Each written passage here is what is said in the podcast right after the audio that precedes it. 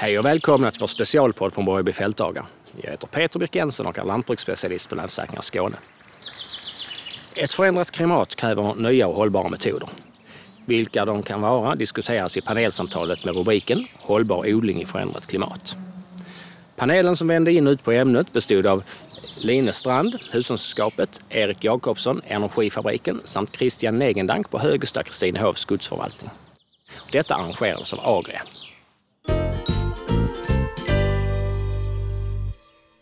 Välkomna till Agria djurförsäkring och vårt panelsamtal.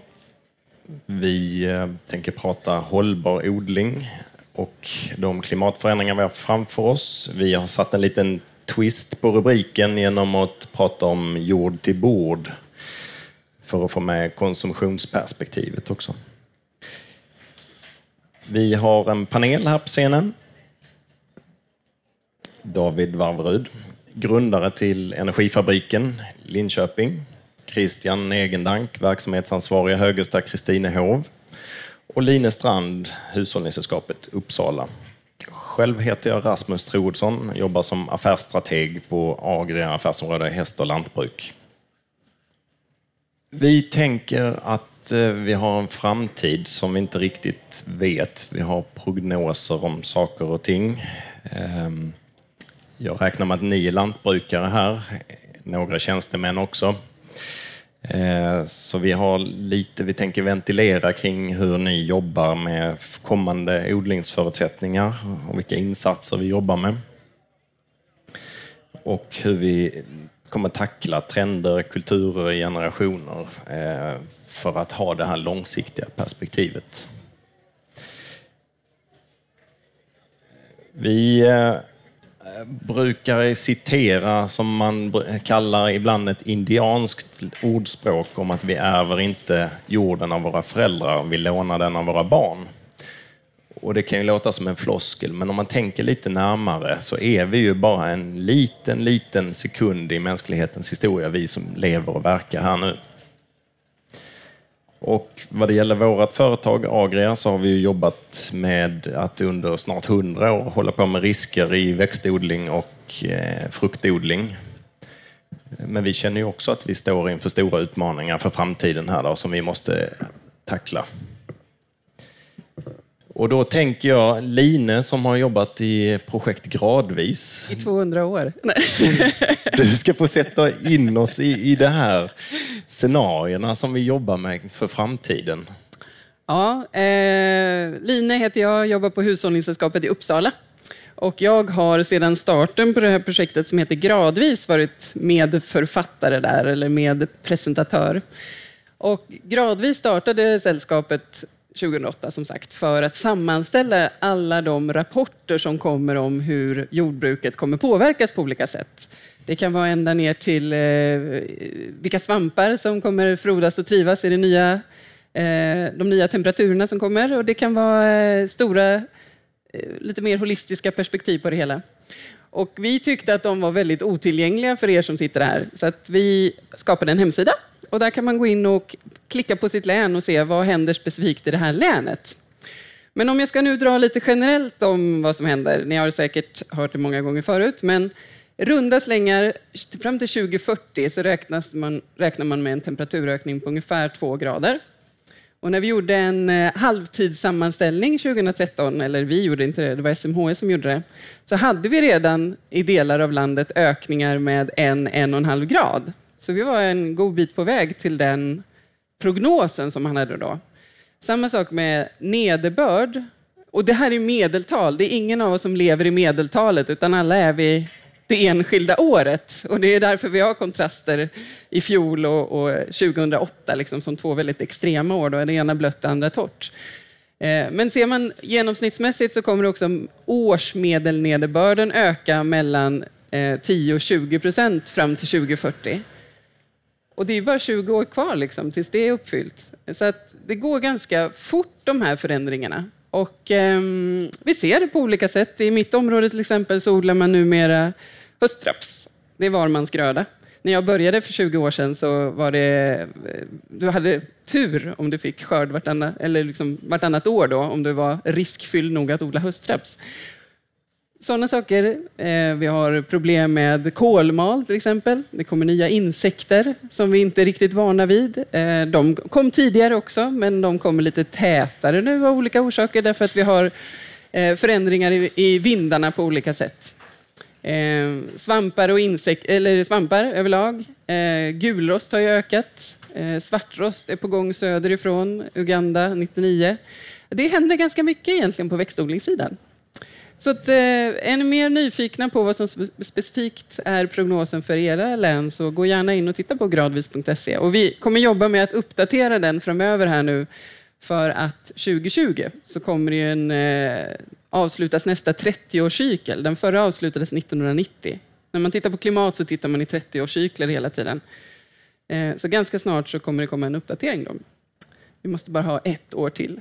Men Line, ska vi bara ta en snabb koll här eh, så vi säger saker som stämmer för publiken. Hur många bor Mälardalen och norrut? Räck upp en hand. Ja. Och ni andra bor söder om då räknar vi med, helt klart. Mm, bra. Precis. Och då kan man ju säga så här att 2040 så kommer vi alltså ha ett klimat där vi kan odla tröskmajs, alltså majs till kärna som kan tröskas. I mitt område idag så är det ingen som odlar tröskmajs. Eh, möjligtvis lite självplockmajs. Det är ganska stor skillnad. Här nere så har vi en sträcka längs med Skånekusten där man kan odla tröskmajs idag, rent klimatmässigt. Jag vet inte hur många som gör det.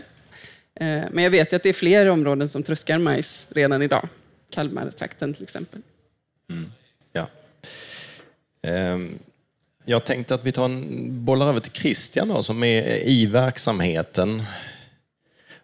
Hur eh, Ni jobbar med liksom långsiktig förvaltning på, på ditt företag.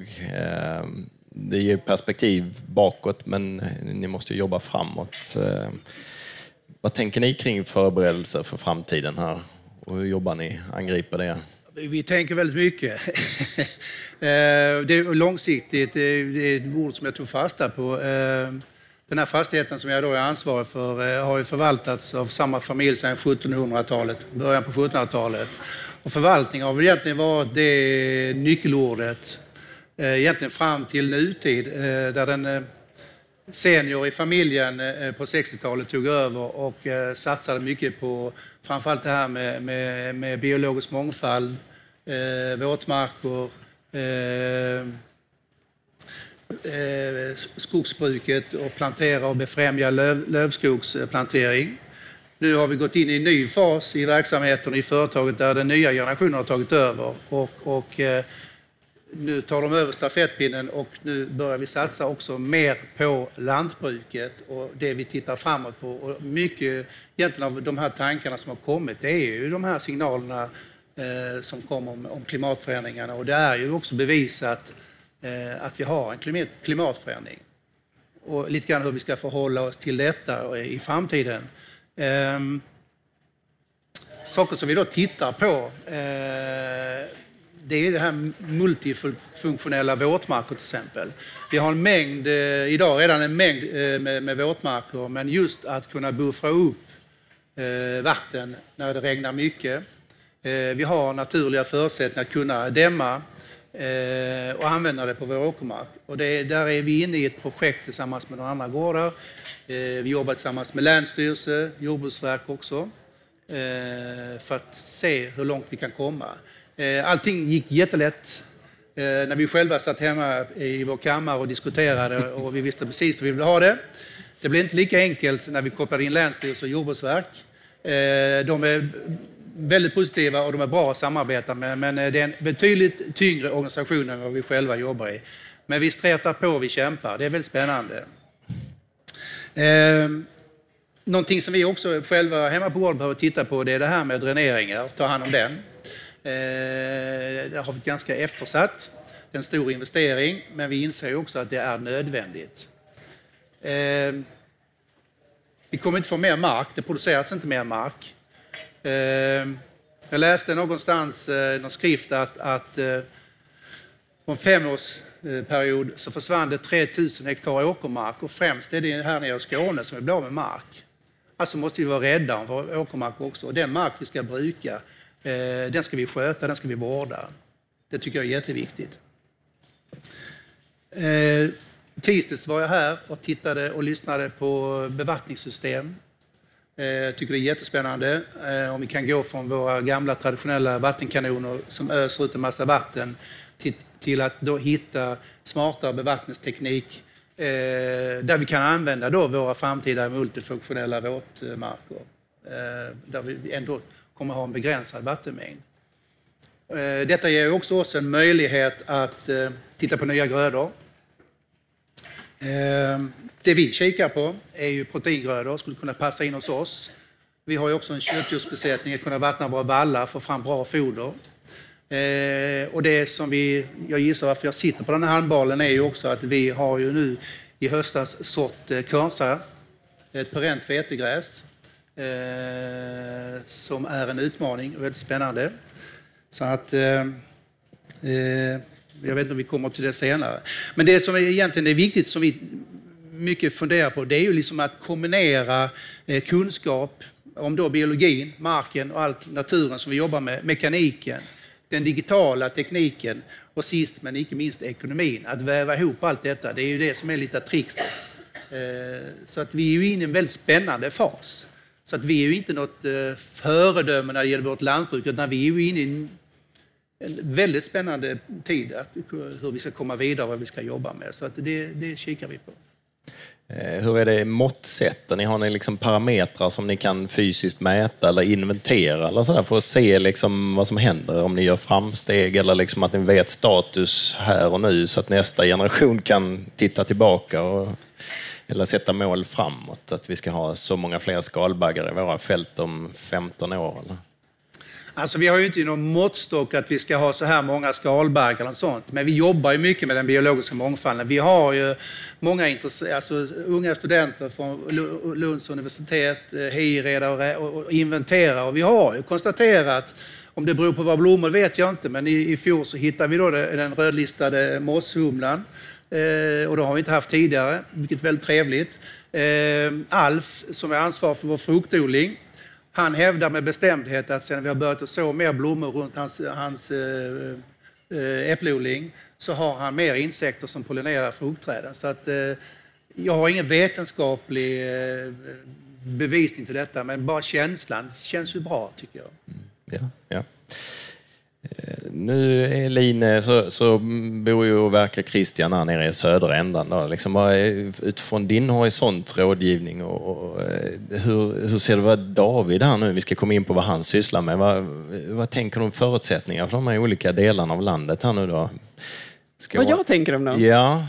Ja, jag tänker att de... Eh, det är, viss, det är det egentligen handlar det väl inte så mycket om län, utan det handlar om vissa områden. kommer ju bli mer torkutsatta till exempel. Så det här med bevattning som du kikar på och bra system för att lösa det. Som du säger, inte spruta ut en massa vatten i, in, i intet liksom, som bara dunstar igen. Där ligger ju en stor utmaning att, att ett, samla på sig vatten och två, som sagt bygga system som är uthålliga på det sättet. Eh, man kan väl säga att ju längre norrut vi kommer, ju bättre förutsättningar för odling får vi på det sättet att klimatgränserna flyttas norrut hela tiden. Då. Och det är ju därför som eh, södra Dalarna nu också börjar bli eh, den nya veteboden kanske, beroende på hur vi tacklar eh, rost och annat söderifrån. Ehm, ja, jag, jag tänker att alla områden får liksom sin utmaning här och förstås, vatten är väldigt grundläggande, det märkte vi i fjol. Mm. Det handlar mycket om vattenfrågor. Ja, ja. David, eh, du som är en av grundarna till Energifabriken har ju förstått att vi kan inte bara odla för egennyttan utan det är en koppling till en marknad och en efterfrågan och, det är ett större perspektiv på den här hållbarheten i odlingen. Hur, hur eh, ser det ut för er och Energifabriken här nu? Ja, vi, vi startade ju 2006 med distribution och försäljning och nu även tillverkning av eh, förnyelsebara dieselbränslen, RME och HVO. Eh, och det har ju in, initialt var det inte lantbruk som var en kund och det är väl kanske inte idag heller utan det är ju andra sektorer, typ kollektivtrafik, livsmedelstransporter som har varit drivande och haft en stor efterfrågan. Men sen såg vi att vi, vi tre eh, grundarfamiljer driver även lantbruk och vi såg väl att vi borde kunna applicera det här som händer i kollektivtrafik.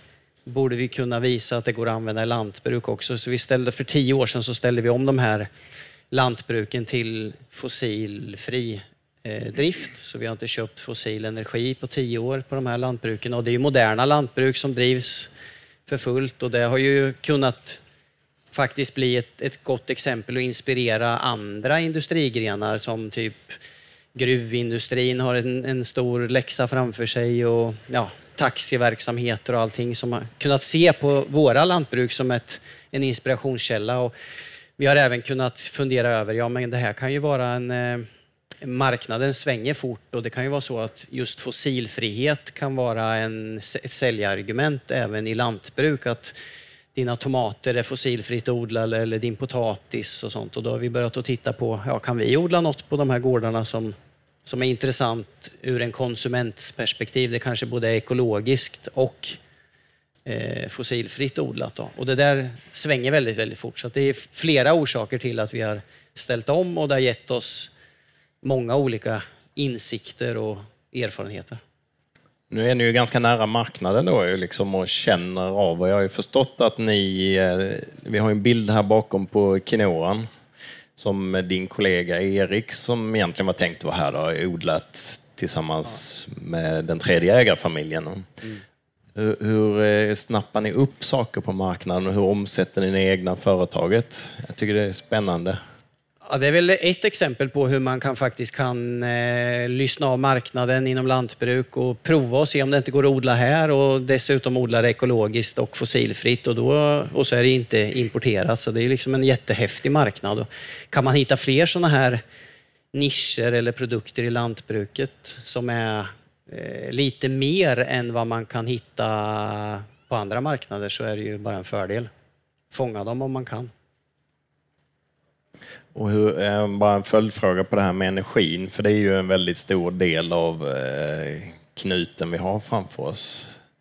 Hur ser det ut? Går det, ni odlar både egen råvara och köper in råvara? Ja, vi, lantbrukarna odlar ju naturligtvis raps. Det går åt mycket raps för att göra RME. Eh, men det man slås av när man är i den här världen som vi är, att eh, alltså det är behovet är så enormt eh, och vi kommer att behöva alla alternativen som finns. Alltså vi behöver biogas, vi behöver RME, HVO, vi behöver el, vi behöver vätgas, etanol. Alla de här alternativen är ju var och en en liten pusselbit och vi har faktiskt inte lyxen att kunna tacka nej till något av dem som det är idag. Utan vi kommer att behöva bejaka och lägga till olika alternativ och inte liksom hoppa på från den ena tuvan till den andra utan vi måste bygga bit för bit framåt. Och bara RME som vi håller på med och lantbruk, det är ju, även om vi skulle ta all raps som vi odlar i hela Sverige och göra RME av alltihop så räcker det inte till mer än kanske 5% av våran dieselförbrukning i Sverige. Eh, och som jämförelse kan man säga att amerikanska försvarsmakten gör av med mer diesel än vad hela Sverige gör. Så att, eh, då inser man att eh, den här kalkylen är nästintill omöjlig att få ihop. Så vi måste, vi, vi måste vara rädda om alla små pusselbitar och det gäller el, biogas, etanol, RME, HVO, alltihop. Och de kommer att, olika pusselbitar kommer att passa olika bra på olika gårdar, olika verksamheter, olika delar av landet till exempel, som har olika förutsättningar. Hur är det med marknadsmekanismen, Christian? Om bara, det här med vete och, och liksom, vi är ju ganska bundna till att följa något spår. Är det, är det det här behovet av vete på marknaden som gör att ni är på det här perenna vetet? Nej, det kan man säga, så har ingen koppling till vetemarknaden överhuvudtaget. Utan det, eh, det här krönsagräset, det, det var mer att vi halkade in på ett bananskal i kombination med nyfikenhet. Det eh, passar bra in i, i, i företags eh, miljötänk, miljöprofil också. Eh, vi fick kontakt med en Lundaprofessor som vill komma ut och presentera något spännande. Eh, och kom ut och presenterade det här perenna vetegräset. Frågade om vi var intresserade att börja odla det och eh, ja, av någon konstig anledning så sa jag ja. Eh, eh, utan att veta vad jag gav mig in på. Ehm, jag vet inte, ska jag fortsätta berätta om det? Ehm, och det gjorde vi. och det är Land Institute i Kansas i USA som, som, som har då odlat det här och har tagit fram det här perenna vetegräset och, och, och förädlar på det. Eh, och i kombination med det så blev vi också sammankopplade med det här företaget Patagonia, som ni kanske känner till, det jättestora klädmärkes, men som även har gett sig in i, i, i livsmedelsbranschen. Eh, Patagonia har eh, eh, odlingar i USA och Japan, eh, men ingenting i Europa. I USA, om man går in på deras hemsida, så kan man eh, läsa om deras Long Root Ale, ett öl som de då tillverkar eh, med inblandning av Kansa Eh, smakar typiskt amerikansk öl. Eh, man säljer även öl i, i, i, Japan och sen har man också börjat att, att blanda in eh, Konsamjölet i, eh, i livsmedel. Eh, använder som müsli, eh, bröder. Jag har själv inte ätit eh, något bröd eller smakat några müsli men de som har det säger att det är en ganska distinkt smak. Vårt vetemjöl är ju tämligen smaklöst, eller är ju smaklöst. Så att, att eh, Eh, nu försöker man etablera sig i Europa. Och eh, nu ska ju inte vi försörja Europa med, med körnsamjöl, men, men vi har då sått en, en, en odling på 20, 24 hektar, 25 hektar. Eh, och vi har ju börjat med det svåraste sättet att odla det ekologiskt. Det kräver Patagonia. Eh, vetegräset såddes i ett 50 cm och 25 cm radavstånd med 10 kilos utsädesgiva. Eh, I min fantasi så tänkte jag att det här kommer att växa jättefort. Det gjorde det inte. Väldigt långsam etablering. Jag eh, tänkte att det fixas det till våren. Då radrensar vi och ogräsharvar. Eh, men ogräset det smet iväg. Raderna kunde vi hålla rent, men emellan körnsamplantorna var det tuffare. Eh, forskarna tycker det är jättespännande. Eh, jag tycker det inte är lika spännande. Eh, lite för spännande kanske, ska jag säga. Idag står, eh, har idag konstgräset växt och står ovanför ogräset. Eh, vissa plantor som har fått lite stryk över radrensningen, framförallt i 25 cm avståndet, eh, är på väg upp. Men jag hittar inget konstgräs som är på väg att dyka under på grund av ogrästryck. Eh, däremot så har det börjat bestocka sig. Eh, jänkarna som har varit och tittat på det säger att vi har sett värre. Eh, eh, och de var vid gott mod eh, vi tror och hoppas att nästa år så ska det bestocka sig och klara konkurrensen lite bättre. Eh, om vi kan tröska i år så blir det ingen stor skörd. Jag ska ha ett telefonmöte med Patagonia imorgon. Vi får se hur det går. Eh, men de är ganska förstående. De förstår att detta är väldigt nytt också. Eh, det har stått väldigt mycket i media och det, det är ju kul. Men jag kan ju tycka att det hade varit lite lugnare om vi hade fått prova lite lugn och ro själva. Eh, och det målas ju upp som det ska frälsa världen. Det tror jag inte det kommer att göra. Eh, jag tror att det är eh, en produktionsgröda i framtiden. Jag tror det ligger 10-20 år framåt. Förädlingen måste fortsätta. Vi måste höja skördarna. Vi vet inte heller vilka sjukdomar den drabbas av. Den ser oförskämt, oförskämt frisk ut där den står idag. Eh, den har ett otroligt rotsystem. Sen det beror på naturligtvis var den växer, men där finns alltså, eh, vi har sett bilder på, på rotsystem som är flera meter. Och då kan man ju fundera lite grann över sin dränering som jag då pratade mig varm för inledningsvis. Vad kommer att hända med den? Så det är många frågor som inte är besvarade, som inte vi vet någonting om. Så det är ju en, en, en försöksodling fortfarande, trots att det kallas bruksodling. Men det är väldigt spännande, absolut. Får jag bara fråga då, har ni, har ni konkreta problem som den liksom ska bota där? Är det väldigt torrt så att det är gynnsamt att ha det djupa rotsystemet eller har ni markpackningssynder från tunga betupptagare som ni måste reparera? Nej, vi, alltså, vi har inga, nej, inga sådana synder och inga sådana skador utan, utan eh, det, alltså, vetegräset i sig själv är ju tänkt att den är perenn, alltså den ska växa flera år. Eh, man menar ju på att kolinlagringen kommer att bli bättre. Eh, Färre överfarter, eh, alltså mindre arbetsinsats. Eh, så det finns alltså miljöaspekter också som man väver in och det är det som är lite Patagonias affärsidé. Man ska ju jobba med långsiktig och hållbar matproduktion. Eh, Men det är alltså lite för tidigt att säga. Men det är spännande är det i alla fall. Ja, ja. David, får jag bara en så här, dina eller era odlingar då, i, ni i Energifabriken, just det som är livsmedel, nakenkorn och, och eh, quinoa. Hur, är, hur går det liksom? Eh, och vad är filosofin bakom? Är det bara att tillfredsställa marknaden eller ni ska uppnå någon förbättrande åtgärd? Eh, det har nog mer varit ett, en experimentlusta och liksom lite nyfikenhet vad som går att göra. Så att det, är inte nog, det är nog inte det som kommer att vända upp och ner på, på företagen, eh, lantbruksföretagen. Mm. Men det är lite spännande att prova. Vi har även tagit fram eh, odlat höstvete fossilfritt och gjort mjöl av det. Vi har pressat raps som odlat fossilfritt och gjort eh, rapsolja av det och tagit fram tvål. Alltså, det går att hitta på rätt många olika saker på en gård eh, och ta fram produkter som kanske redan finns men som har en annan twist.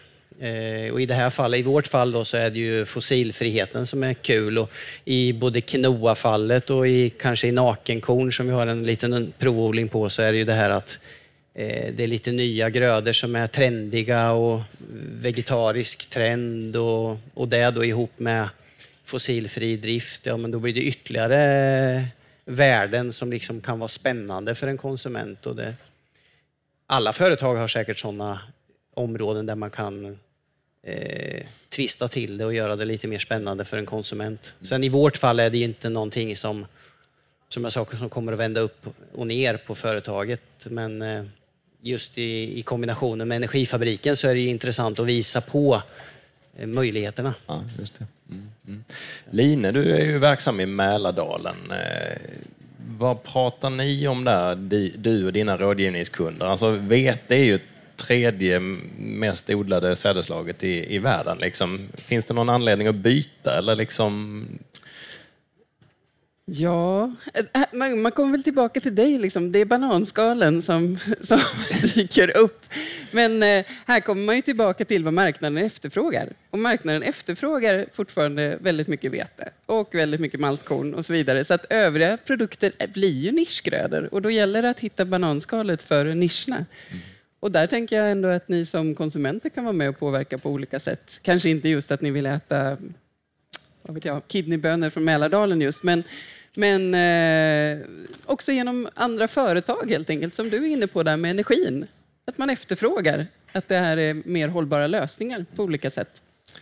Eh, en kollega till mig var och lyssnade på en bankman från Nordea som hävdade att den största insatsen vi kan göra för miljön det är väl egentligen att flytta våra pensionspengar till till eh, olika typer av förvaltning som just använder sig av långsiktighetsperspektivet och uthållighetsperspektivet. Det kanske gör större nytta än, än eh, vad vet jag, att sluta med höstveteodling och börja med någonting annat spännande. Mm. Men det, ju, eh, det får ju var och en avgöra själv. Ur odlingsperspektiv så ökar ju möjligheterna för nya grödor på olika sätt. Och närmast till hans är väl just nu hösthavre från Frankrike-området som vi väntar lite grann på i Mälardalen då. Det kanske kommer först till dig, gissar jag. Ja, gärna. Välkommen. Rent, rent klimatmässigt så borde det göra det. Nu tänkte jag, har vi mikrofonen här någonstans? Om vi ska släppa in frågor från publiken, om ni vill liksom passa på att eh, ställa er egna kluriga frågor här. Har vi några frågor till panelen? Här? Det jag reagerar på var den här professorn som eh, då uttalar sig om det här vetet som du nu odlar. Att eh, man minskade då körningen på jorden med, eh, som vi gjorde nu med eh, vi ska odla vete eller raps, att vi kör över jorden 8, 10, 12 gånger. Det tillhörde 60-talet tycker jag. Sen undrar jag på dränering som du gjorde. Jag hörde nu i gropen här nere att de pratar om att de blandar in i kalk i denna jorden som de har lagt upp och sen ska få bättre verkan på dräneringarna. Har du gjort det? Alltså vi eh, underhållskalkar ju hela tiden. Det gör vi. Eh, och sen har vi då dräneringar som måste fixas till. Helt enkelt. Så vi jobbar på det viset.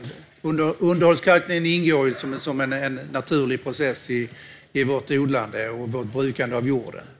Det var, jag uppfattade inte var det det som var din fråga? Nej, alltså, för att få bättre verkan på dräneringen så skulle den, den jorden som man tog upp låta ligga i en 14 dagar så den torkar om det var fuktigt när man gjorde det. Och så blanda in kalk där och sen så för man den till dräneringen. Det gör vi inte. Det gör vi inte idag. Nej, kalkfilterdike det jobbar vi ju mer med norröver skulle jag säga. Så kommer vi upp till Östergötland, Mälardalen så ser man det överallt där de har kört nu. Det är väldigt vanligt. Sen är det väl ganska mycket eh, LOVA-pengar och sånt Ja, alltså åtgärden i sig är inte lönsam för den enskilda jordbrukaren om man nu värderar in de ekonomiska värden som vi normalt sett räknar med. Men det som är svårt att räkna med är ju hur länge en sån åtgärd håller och det är ju där som, som vi inte riktigt vet ännu då. Men eh, det är ju därför som eh, det kommer i de områdena där vi har LOVA-ersättning till exempel som, som stöd utgår till just kalkfilterdiken. Eh, och jag försöker också uppmuntra markägare eh, av olika slag att eh, se till att det händer på deras marker oavsett om det är utarrenderat eller inte. Just för att det är långsiktigt väldigt effektivt, precis som de säger i gropen. En jättebra åtgärd för att hålla dräneringarna vid liv längre också.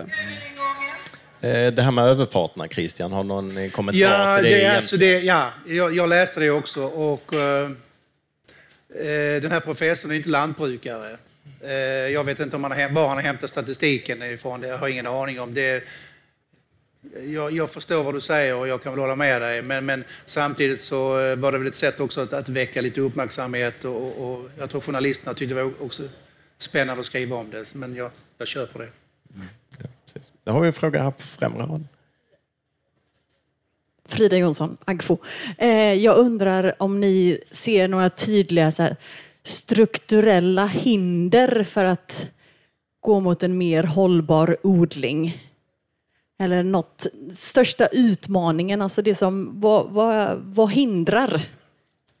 Stor fråga, men eh, reflektioner på det? Jag kan börja då. Eh, Just i den delen som vi lever med fossilfria bränslen och sånt så är det väl egentligen eh, det som har diskuterats sista tiden att lantbruket idag är lite fast i en eh, skattesituation som hindrar omställningen som faktiskt resten av samhället är mitt inne i och vissa kollektivtrafiken kanske redan har gjort den och gruvindustrin har den kvar och lantbruket ligger ju där någonstans men kommer inte loss. Eh, intresset är jättestort att göra det men man är lite fast i det. Och till det så gör ju också att eh, maskinbransch och teknik runt omkring lantbruket också hamnar i liksom ett eh, gisslandrama eftersom det finns ingen kundefterfrågan på skördetröskor som går på något annat än fossil rysk diesel. Och undrar man om att det går att köra på något annat så är alltid svaret nej. Och hela den här utvecklingen har ju faktiskt redan skett i kollektivtrafik till exempel. Och det är ju inte för att eh, lastbils och busstillverkarna har eh, varit på barrikaderna och drivit den här utvecklingen, utan det är ju konsumenterna som har krävt fossilfria transporter på bussarna i svensk kollektivtrafik. Och det har gjort att ingenjörer och fordonsleverantörer har bara fått vika sig och acceptera faktum.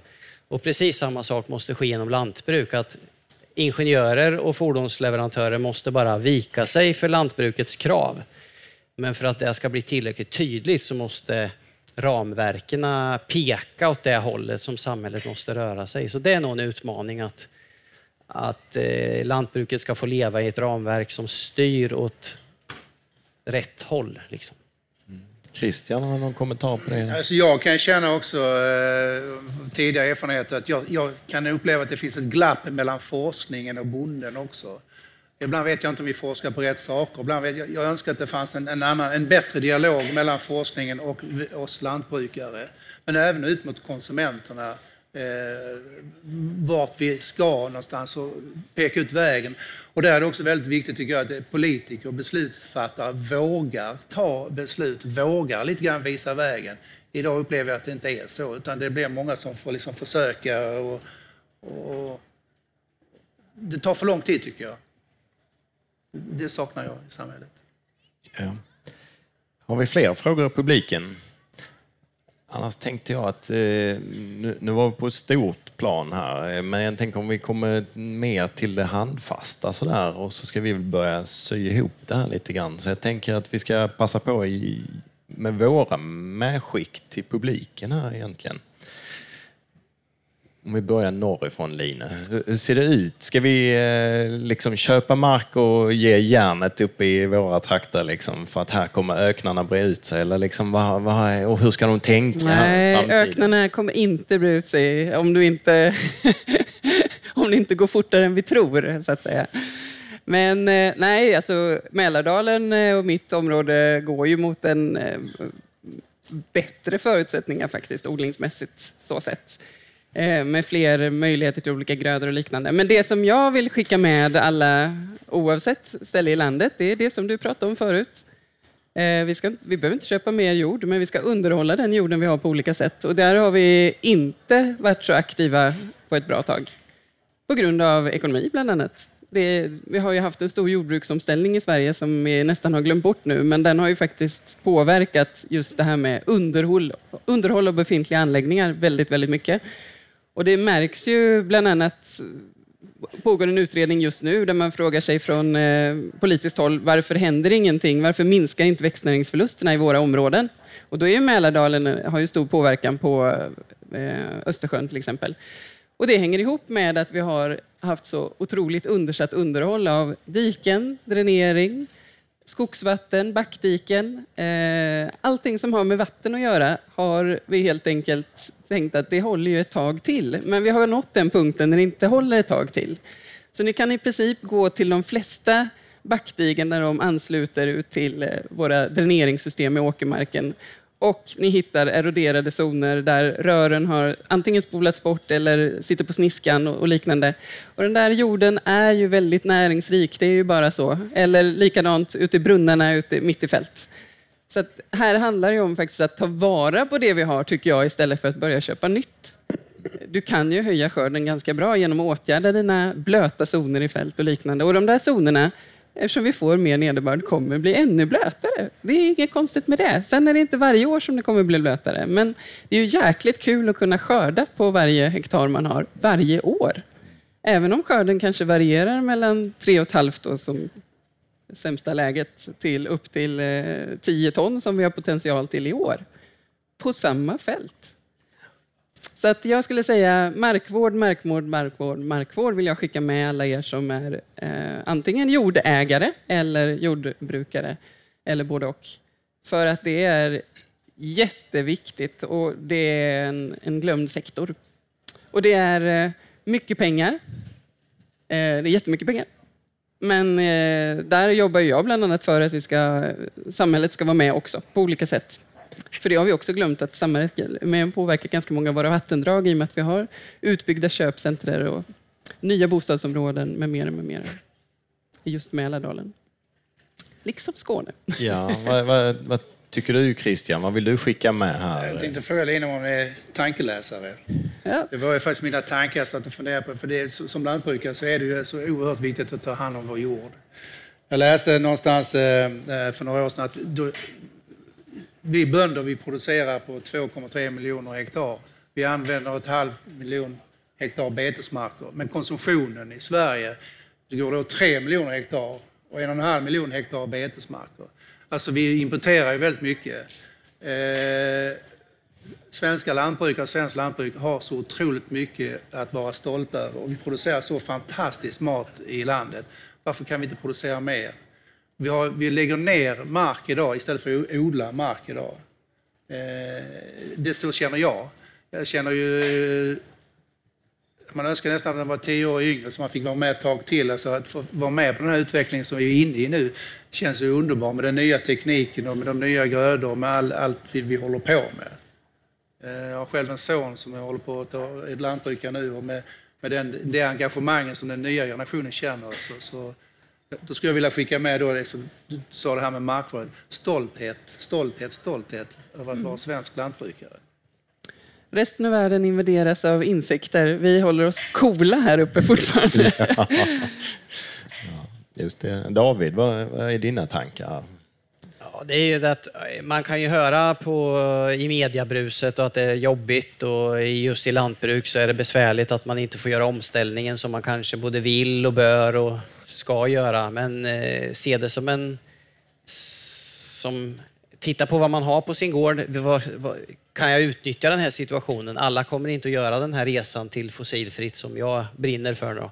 Men det kan ju göra att eh, går man före så kan man ju utnyttja efterfrågansläget och ha, vara den enda i kommunen som erbjuder snöröjning eh, fossilfritt till nästa år till exempel. Trots vad John Deere och Masse Ferguson och alla säger så går det ändå. Ta mer betalt för det och eh, vässa armbågarna eller vara med och leverera jordgubbar som är fossilfritt odlade till 2020 till exempel. Bara för att det är så krångligt så ingen törs. Då kan man ju liksom kasta sig ut och göra omställningen och ta marknaden som kanske finns där. Då. Mm. Utnyttja läget. Ja. Jag har ju några medskick. Vi eh, i försäkringsbranschen är ju ganska så riskmedvetna tycker vi. Va? Så att vi, vi har ju lite torra och tråkiga medskick, men, men de går ju att omsätta till något skojigt praktiskt på era gårdar i alla fall. Va? Och Line var ju på en sak här som, som eh, man med finare ord pratar om ständiga förbättringar. Alltså det, det handlar om det där jäkla dikesögat som inte är fixat. Och liksom, ja, men, eh, höj eh, toleransen där liksom för att klara ett regn och se till att man får rätt skörd på hela åkern som man har gödslat för. För det, ja, det är ju där någonstans det läcker till exempel. Att, att vi gödslar för rekordskördar när det inte blir det.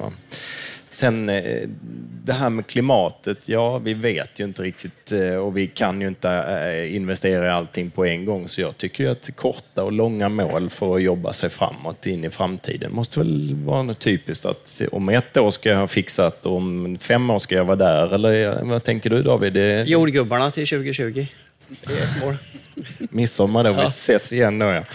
Och sen så någonting som vi ändå märker med, det kanske ni har en, en riktig plan för Christian, det, det gissar jag, liksom, det är ju det här investera i flexibilitet som ändå är en risk, riskspridning, liksom inte alla äggen i samma korg. För det, det är ju beroende på sjukdomar, det är ekonomi, det är arbetskraft, det finns många skäl att liksom eh, göra på det viset. Då. En applåd till vår panel och tack för idag.